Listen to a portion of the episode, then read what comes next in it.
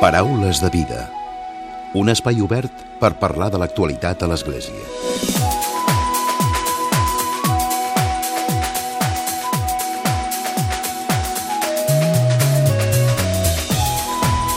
Què tal? Salutacions i molt bon dia, molt bon diumenge. Avui parlarem de la Bíblia, de la seva lectura, de les reflexions que hi provoca i de com el seu missatge ens pot ajudar en les diferents etapes vitals per les quals passen les persones.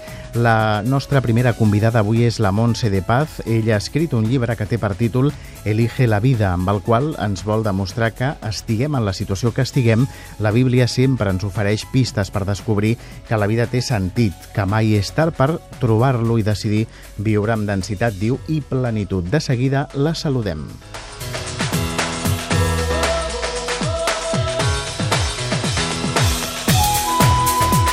I avui marxarem també fins a Blanes, perquè aquesta població de la Selva, la seva parròquia, la Santa Maria, està d'aniversari. Es commemoren els 700 anys amb tot un seguit d'activitats, com per exemple l'exposició que es pot veure fins a finals de juliol amb el títol Església, Parròquia i Societat a Blanes al segle XX, una exposició fotogràfica organitzada des de l'Arxiu Municipal de Blanes que es pot veure a la sala Maria Luisa García Tornel d'aquest municipi. Entre els actes que s'han fet per commemorar aquesta efemèride destaca també el concert de l'Escolania de Montserrat que es va fer el 7 de juny. En parlarem amb l'Aitor Roger, ell és historiador i membre de la comissió dels 700 anys.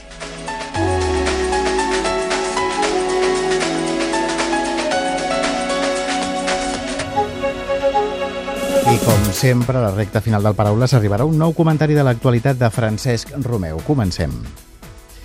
I saludem, donem la benvinguda a la Montse de Paz. Montse, bon dia. Hola, bon dia, Emili. Avui estàs aquí al Paraules de Vida per presentar-nos el teu llibre Elige la vida. Així és. Que de fet és una reflexió al voltant de la Bíblia i el que és la vida. Ah, exactament. Sobretot al voltant de l'Antic Testament, de la Bíblia. I la reflexió sorgeix de, bueno, d'anar veient com la Bíblia es pot llegir en clau com una mena de, de lectura de l'itinerari vital de la persona. És a dir, els diferents llibres de la Bíblia i la seva, el seu ordre cronològic o l'ordre amb el que està literàriament col·locat doncs pot anar seguint l'itinerari de, de tota persona des de la infància fins a la maduresa i als últims anys de la vida. No? Uh -huh. Com, com s'origineu? Per què un dia et planteges de fer, de fer aquest llibre? doncs el, el plantejament no va ser un, un pla de dir vaig a escriure aquest llibre, sinó que és el, és el fruit d'un procés llarg de lectura de la Bíblia, de formació en estudis bíblics, de reflexió, i d'anar veient com realment és un llibre eh, de vida, perquè acompanya la, la vida de la persona. És un d'aquests llibres que realment té el poder de fer-te reflexionar i de fer-te canviar coses. -huh.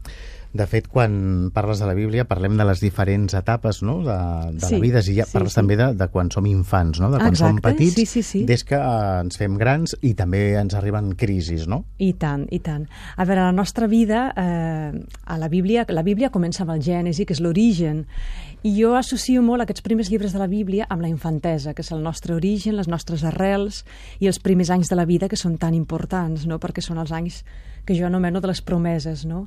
Al, al Gènesi trobem moltes promeses. Déu està contínuament parlant i comunicant-se amb uns personatges als quals els hi promet doncs, una vida, una descendència, una terra, no? Eh, tot allò que la persona assumia. No? Llavors nosaltres a la infantesa doncs, també és aquesta època en la que es forgen els nostres fonaments i rebem aquestes promeses a vegades implícites i a vegades explícites de bueno, d'aquesta vida que somiem, que volem, que volem iniciar. No? I bueno, doncs els, llibres de, els primers llibres de la Bíblia també ens, ens parlen de moltes històries familiars on es veuen reflectits els conflictes, els problemes... Aquí és on te fas el paral·lelisme, no? Amb el que pot ser la vida d'un infant. Exactament, exactament. Tant amb el sentit de la vida com, com una crida, una promesa, com també amb els diferents conflictes i, i fases familiars que es poden viure, no? Des dels problemes doncs, de maternitat, paternitat, gelosies entre germans, la lluita per la supervivència, l'aprenentatge, adonar-te que no estàs sola en aquesta vida, sinó que camines amb uns altres, i, i bueno, doncs ja començar a assumir i a plantejar-te què vols ser de gran, no? què vols fer. De fet, no sé si la lectura d'aquest llibre mm, pot ajudar la gent a fer de manera paral·lela, no, és evident que no és la, la lectura de la Bíblia, però sí a conèixer, potser no han llegit la Bíblia i d'aquesta manera sí que poden conèixer els aspectes més fonamentals de la Bíblia. Clar, a veure, no és un llibre teològic, ni doctrinal, ni, ni d'exègesi, però sí és un llibre que et convida a llegir la Bíblia trobant-li un sentit i de manera que tots els llibres de la Bíblia, sobretot els que esmento aquí, que són els més coneguts potser, doncs els hi puguis trobar un missatge que et pot ajudar en determinats moments de la teva vida, no? i adonar-te que, encara que les històries bíbliques ens poden semblar doncs, de vegades molt allunyades o, o estranyes a la nostra cultura, no ho són tant, perquè en realitat estan parlant de, de veritats universals, d'experiències de, humanes... De, de fets quotidians, no? De fets quotidians, de fets quotidians eh, ordinaris, senzills, de processos íntims molt profuns i també doncs, de fets més socials, més comunitaris, més culturals, on tots ens hi podem trobar identificats i on tots hi podem trobar una inspiració i fins i tot de vegades unes respostes, no? Uh -huh. No és un llibre d'autoajuda, no? O sí, perquè se n'ha parlat, veure, no? se n'ha parlat i jo mateixa ho plantejo. La Bíblia és el millor llibre d'autoajuda, no arribo a afirmar, però no és un llibre d'autoajuda típic amb el sentit de que no et dona unes fórmules o unes solucions. De fet, la Bíblia et desperta molts interrogants i de vegades et deixa sense respostes perquè tu mateix les busquis, no? És un llibre molt obert, la Bíblia. La Bíblia, a més, no, no té un pensament únic, perquè recull opinions, experiències i punts de vista molt diversos al llarg de molts segles. Per tant, el que és és un llibre que d'alguna manera et desvetlla, et desperta, t'inspira i t'anima a emprendre aquest camí de la vida o a continuar aquest camí de la vida, però amb unes actituds eh, que es poden resumir amb el títol. Escull la vida, escull l'opció que a tu et farà viure amb més intensitat, amb més profunditat, amb més autenticitat. No? Uh -huh. Ara parlàvem de, de potser la infància, no? de quan els, sí. els fills estan sí. a casa del, del pare i de la mare i quan han de sortir, no? quan es diu... La doncs, sortida. Ara, exacte, la sortida, sí. però també parles de quan arriben la, la mitja edat i arriba una crisi, no? Clar. També aquesta, hi ha solucions. Sí, sí, sí, és una part molt important de la vida, doncs aquesta mitja edat, no? que diu Dante, quan et trobes enmig d'una selva fosca i no saps per on tirar, doncs, bueno, la Bíblia, de fet, recull la història d'un poble que en un moment donat va estar a punt d'extingir-se. El poble d'Israel és conquistat, eh, perd la capital, perd el temple, és arrasat, és deportat a l'exili, una bona part de la societat, i en aquests moments en què una societat, un poble, està a punt de desaparèixer de la història, de cop i volta troba una força interior enorme, es reagrupa eh, i comença un moviment de regeneració molt potent, eh, liderat pels profetes i per alguns sacerdots, que és el que donarà pas al judaïsme i, mm, dels, dels primers anys i a l'actual. O sigui, és una cultura antiga que ha sobreviscut els pitjors tràngols que li pot passar a un poble i que no solament això, sinó que a més està viva avui, després de 3 i 4.000 anys. Aleshores, aquesta experiència col·lectiva del poble d'Israel, traduïda amb els llibres dels profetes i en totes les seves històries, com no ens ha de poder ensenyar a les persones que avui pues, estem atravessant una crisi a la nostra vida, una crisi en la qual ens ho plantegem tot i sembla que tot trontolla, no? Trontollen els nostres principis, els nostres valors, pot ser que trontolli la nostra família, la nostra economia, els fonaments d'allò que constituïa la nostra vida, en un moment donat pot semblar que, que estiguin a punt de, de, bueno, de naufragar i de dir, bueno, què fem? Hem de, hem de, hem de reinventar-nos, que es diu tant avui, o començar de nou. Doncs la Bíblia té uns llibres que són crucials, que són tot el profetisme i els llibres de la restauració i del postexili, que ens ensenyen com afrontar aquesta etapa i ens conviden a, a tenir valor i no enfonsar-nos. I tu, a través del llibre, ho fas amb un llenguatge més planer. Evidentment, jo ho faig amb un llenguatge absolutament quotidià, personal, actual, fins i tot trobant paral·lelisme de les situacions bíbliques amb situacions personals que tots ens hi podem trobar, i convidant a, a, als lectors a que s'endinsin a la lectura dels llibres de la Bíblia trobant aquest sentit i d'altres sentits que cada lector pot trobar-li, no? que no és simplement pues, llibres de profecies i de històries i de guerres, sinó que són llibres que ens estan parlant al cor molt endins. No? Uh -huh. El títol, Elige la vida. Escull la vida.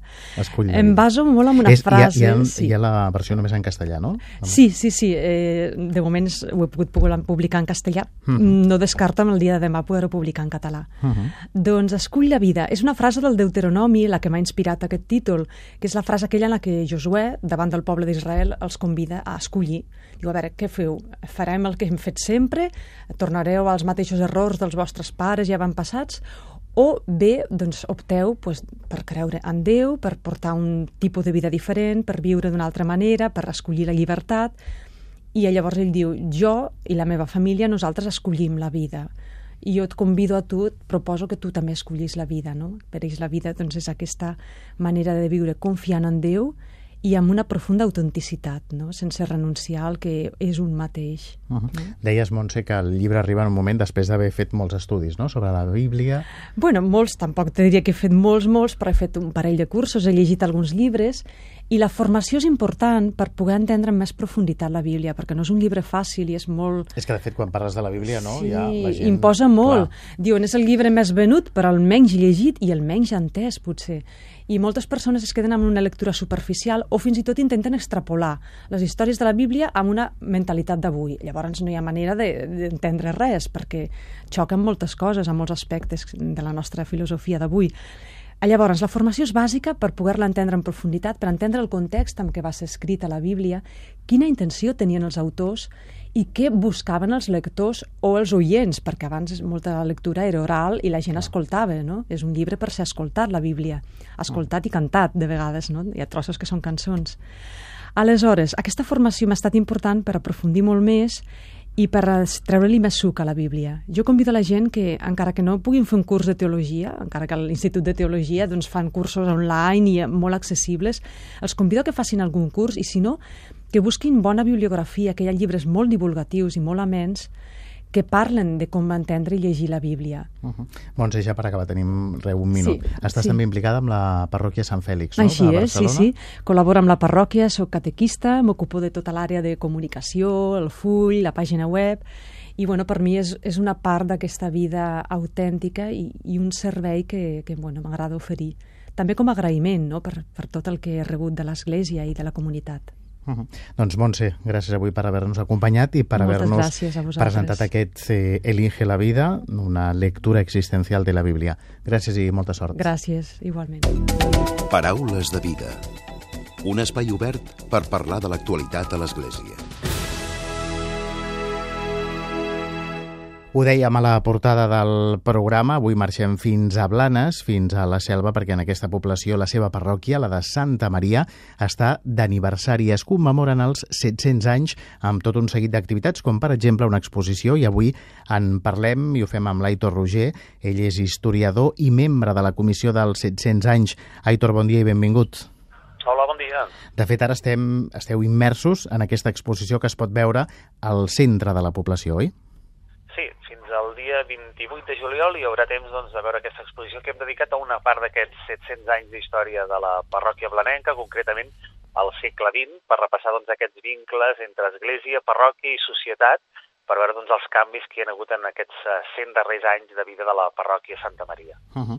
Un recorregut fotogràfic que què és el que ens mostra, Aitor? Sí, bàsicament és a partir dels fons i les col·leccions d'imatges que tenim a l'arxiu municipal poder conèixer doncs, les de diferents vessants de la parròquia, des dels actes més oficials, també els rituals, els diferents eh, sagraments, podem comparar com, com ha anat evolucionant no, aquesta, aquesta societat també a través de les seves festes, a través del, del vestuari, i per fer-ho aquestes fotografies, n'hi ha prop d'un centenar d'imatges, eh, s'han dividit en, en cinc apartats, eh, des del temps de preguerra, tot el que va ser doncs, la formació dels pomells de joventut, eh, tot el, el moviment dels lluïsos, tot l'associacionisme, la col·laboració doncs, amb les entitats juvenils del poble. Després passem per l'apartat de la Guerra Civil, veure també la destrucció de, del patrimoni, tot el que era la parròquia, tota la part de construcció gòtica, l'altar barroc, o fins i tot les trones d'Antoni Gaudí. Doncs tenim fotografies del, del moment doncs, que es va cremar a l'església.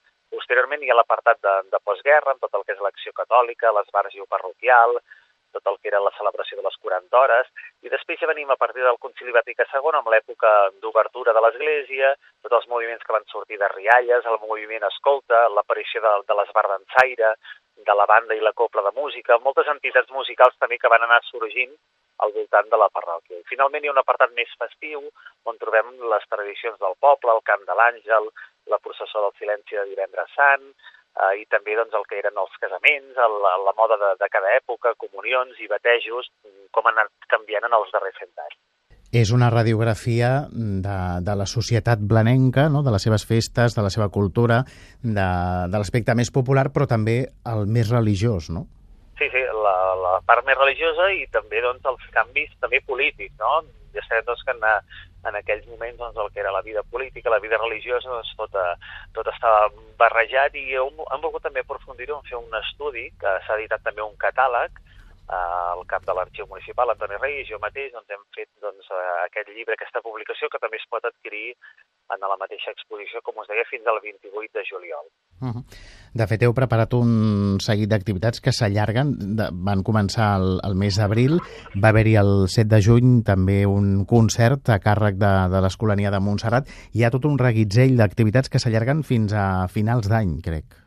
Sí, la idea és durant tot aquest any fer un, tot un seguit d'activitats i també la presentació d'un monogràfic, d'un estudi més ampli que ha ficat 700 anys d'història a càrrec de diferents uh, historiadors i estudiosos, que es presentaria ja uh, l'any vinent. Però sí que al llarg d'aquest any hem volgut cada mes tenir alguna activitat. Per exemple, avui mateix tenim les estores de Corpus aquí blanes i els artistes blaners, una desena d'artistes, doncs estan confeccionant tot un seguit d'estores amb flors, amb matèria vegetal que tinguin vinculació amb la parròquia ja sigui reconstruint com era l'aspecte de l'antic eh, Palau Vescomtal dels Cabrera, perquè hem de pensar que la parròquia es troba doncs, on antigament hi havia el, Palau dels Vescomtes de Cabrera.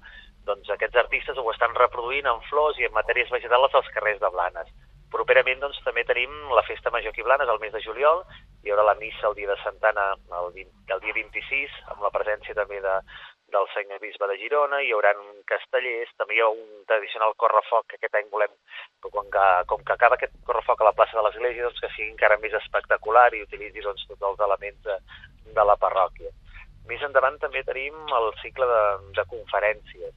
Uh, en el centre catòlic s'organitzaran doncs, diferents uh, estudiosos, també parlaran de la vessant també vinculant la parròquia amb el vescomtat, actes també destacats pot ser una obra de teatre que s'està ja creant ja fa mesos que la companyia El Mirall, dirigida per en Pep Alum, i també el Cor de Cambra sota Palau, amb col·laboració amb altres entitats com poden ser els Manaies de Blanes, les Bardansaire Joaquim Ruïda, faran també una recreació teatral de què ha significat la, la parròquia. Això el mes de novembre. I també a finals de novembre hi haurà una baixada de torxes des de les diferents ermites de Blanes, que n'hi ha set, fins a la plaça de l'Església. Hi haurà també un acte de germanor i l'any acabaríem doncs, amb el tradicional pessebre, que es fa un pessebre monumental davant de l'Ajuntament, que col·laboraran diferents eh, municipis, hi haurà també amb la idea de lligant sempre la història de l'Església de la parròquia amb el Palau, doncs una miqueta els monuments principals dels Vescom del Vescomtat de Cabrera i la parròquia es reproduiran davant de, davant de l'Ajuntament. Uh -huh. I el 29 de desembre, si no recordo malament la data, també ja per acabar l'any, hi haurà una missa d'Àngelis amb el cor de cambra sota Palau que també es farà dins, dins de la parròquia. I molts més actes que podeu consultar. Eh? A la pàgina de Facebook, per exemple, 700A, anem penjant doncs, tots els actes que, que anem fent. Aitor, per acabar, eh, la comissió està formada per diferents entitats, persones de la població? Sí, la comissió dels 700 anys la formen des de membres de, de la parròquia, del servei pastoral, de catequesis, però també hi ha implicat l'Ajuntament, la, també tenim la col·laboració de diferents de, eh, departaments de l'Ajuntament i entitats del poble que s'hi han volgut sumar, perquè fos una festa que tothom hi pogués participar, una festa oberta i que recollís doncs, tota la tradició cultural i també religiosa que tenim en el poble. Doncs avui des del Paraules de Vida hem volgut ser recomanar aquesta exposició Església, Parròquia i Societat a Blanes al segle XX. Si passeu, per tant, per aquesta població de la selva, teniu un bon reclam. És a la sala Maria Luisa García Tornel des del 8 de juny, que es va posar en marxa, i fins a finals de juliol. Aitor, gràcies per haver-nos acompanyat avui. Gràcies a vosaltres. Paraules de vida, amb Emili Pacheco. I tot seguit arriba el comentari de l'actualitat de Francesc Romeu. Francesc, molt bon dia. Molt bon dia a tothom. Si la setmana passada us parlava de la imminent reforma de la cúria vaticana per part del papa Francesc, després dels seus ja sis anys de pontificat, en la línia de convertir-la més en una estructura de servei que no pas de poder, Avui també em vull fer ressò de la trobada que la setmana passada va tenir el papa Francesc amb els nuncis apostòlics de tot el món. Ja sabeu que els nuncis són com els ambaixadors de la Santa Seu en tots els països del món. Doncs bé, el papa també va anar pel mateix camí i en el seu discurs els hi va proposar un decàleg per tal que puguin representar bé el papa, adreçat principalment a ells, però també als seus col·laboradors i, de fet, a tots els bisbes, sacerdots i persones consagrades que trobeu a tot arreu del món. En el primer punt els hi demanava que siguin homes de Déu, és a dir, que segueixin a Déu en tot i per tot, que visquin per les coses de Déu i que li dediquin tots els recursos a Déu. En segon lloc, els hi demanava que siguin homes d'església, és a dir, que no es representin a si mateixos, sinó a l'Església i en particular al successor de Crist. Diu el papa que és lleig veure a un nunci que busca el luxe, els vestits i els objectes de marca enmig de persones que no tenen el necessari per viure. És un contratestimoni. El millor honor per a un home d'església és ser servidor de tots. El tercer punt parla del nunci com un home amb zel apostòlic, amb ganes de ser anunciador de la bona notícia, amb el desig d'il·luminar el món. En quart lloc, el nunci ha de ser un home de reconciliació. És el que avui anomenem com a mediació, buscant la comunió, el diàleg i la reconciliació. Per la qual cosa, el nunci ha de procurar ser imparcial i objectiu, per tal que totes les parts trobin en ell l'àrbitre correcte que busca sincerament defensar i protegir només la justícia i la pau, sense deixar-se mai involucrar negativament. En cinquè lloc, el papa demana als nuncis que siguin homes del papa, atès que en molts països a l'anunciatura se l'anomena la casa del papa. Però això vol dir que no pot ser hipòcrita i que és irreconciliable ser un representant pontifici i criticar el papa per darrere, tenir blocs o fins i tot unir-se a grups hostils al papa, a la cúria i a l'Església de Roma. El sisè punt demana que el nunci sigui un home d'iniciativa, amb capacitat i agilitat per promoure una conducta adequada, sense ser oportunista. El setè punt parla del nunci com un home d'obediència, però obediència a l'Evangeli. El vuitè parla d'un home d'oració, el novè d'un home de caritat, és a dir, que sàpiga refusar els regals que són massa cars i amb freqüència inútils, o dirigir-los a la caritat, tot recordant que rebre un regal costós mai justifica el seu ús. I el desè i últim, ser un home d'humilitat. Un segon apunt, avui, és la notícia que ha saltat als mitjans de comunicació aquesta setmana, on s'anuncia que en el proper sínode dels bisbes que tindrà lloc del 6 al 27 d'octubre a Roma, es parlarà dels problemes de la regió de l'Amazònia i es proposarà l'ordenació sacerdotal d'homes casats per poder garantir els sagraments en les zones més aïllades, segons el document de treball amb el qual els bisbes dels països involucrats debatran sobre el tema, titulat L'Amazònia, nous camins per l'Església i per a una ecologia integral. El papa ja ha respost que si els bisbes li ho demanen, ell s'ho pensarà molt seriosament. I alguns hi han tirat pel dret i han apostat com si fos imminent l'evolució del celibat. No crec que la cosa vagi per aquí, a curt termini, sinó més aviat que l'escassetat de sacerdots i missioners, que es fa encara més patent en les grans extensions de l'Amèrica Llatina i sobretot a l'Amazònia, farà que les zones més remotes de la regió s'estudi la possibilitat de l'ordenació sacerdotal per persones grans, preferentment indígenes, respectades i acceptades per la seva comunitat i amb una família estable. Potser a poc a poc, si aquesta experiència és prou reeixida, es pugui plantejar a d'altres llocs. Per acabar, una nota de condol pels monjos cistercencs de Poblet per la recent mort del monjo i gran historiador del monaquisme, el pare Alexandre Masoliver. Recordem que ell va ser tot un referent com a historiador del monaquisme a Europa i va ser el bibliotecari d'aquesta important monestir cistercenc de la Conca de Barberà durant 27 anys i ara mort a l'edat de 85 anys. Molt bon diumenge a tothom.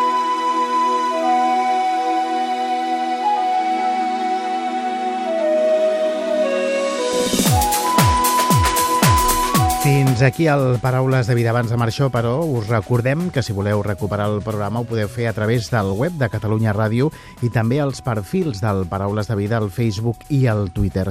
La Rosa Sillué ha estat el control tècnic i qui us ha parlat l'Emili Pacheco. Que passeu bon diumenge i una molt bona setmana.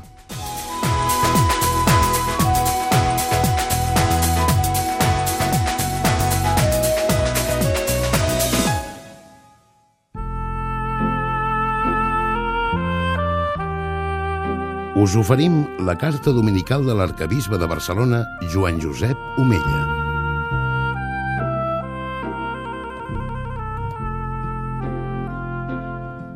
Déu vos guard.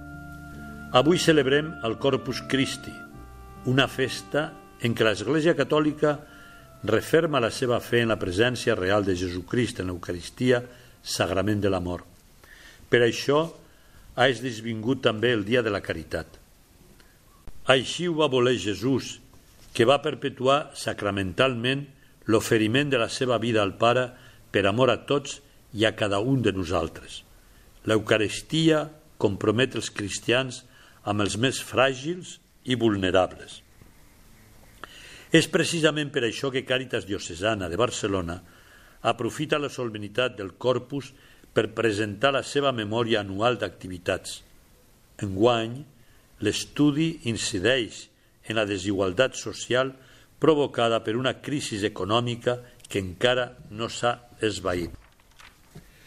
Tot i que diuen que ja ha passat, moltes persones segueixen enfonsades sense poder trobar una feina decent, sense poder accedir a un habitatge digne i sense poder sentir-se ciutadans de ple dret.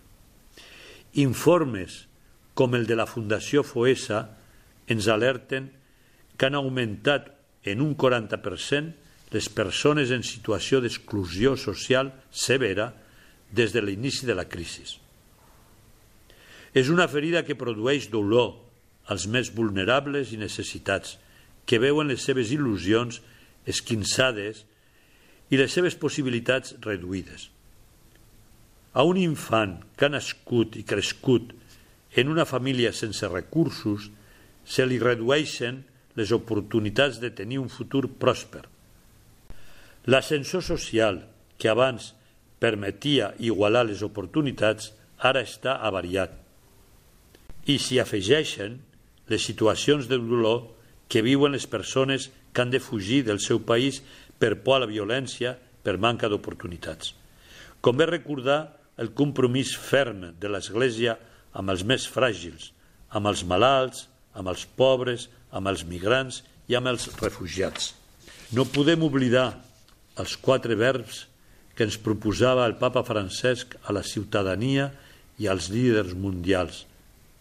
Acollir, protegir, promoure i integrar. En aquest context de patiment hi ha moltes persones que, ens, que es preocupen dels altres. El motor de la fe, de l'amor i de la solidaritat mou voluntaris, socis i donants de moltes entitats. La memòria de Càritas Diocesana de Barcelona ens mostra signes d'esperança. 13.225 llars ateses l'any 2018, on viuen 20.080 persones i 62.845 persones ateses des de les càritas parroquials i arxiprestals. Quina alegria veure com tants voluntaris i professionals treballen per millorar la vida de moltes persones.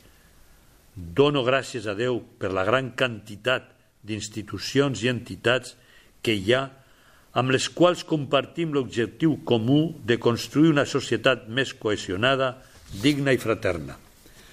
Volem promoure l'acollida, el diàleg i la trobada amb l'altre per fer front a la cultura de la indiferència, com l'anomena el papa Francesc.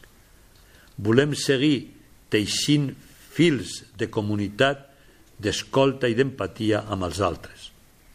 Benvolguts germans, només així aconseguirem cicatritzar aquesta ferida que ens cou com a societat i esdevenir una gran família.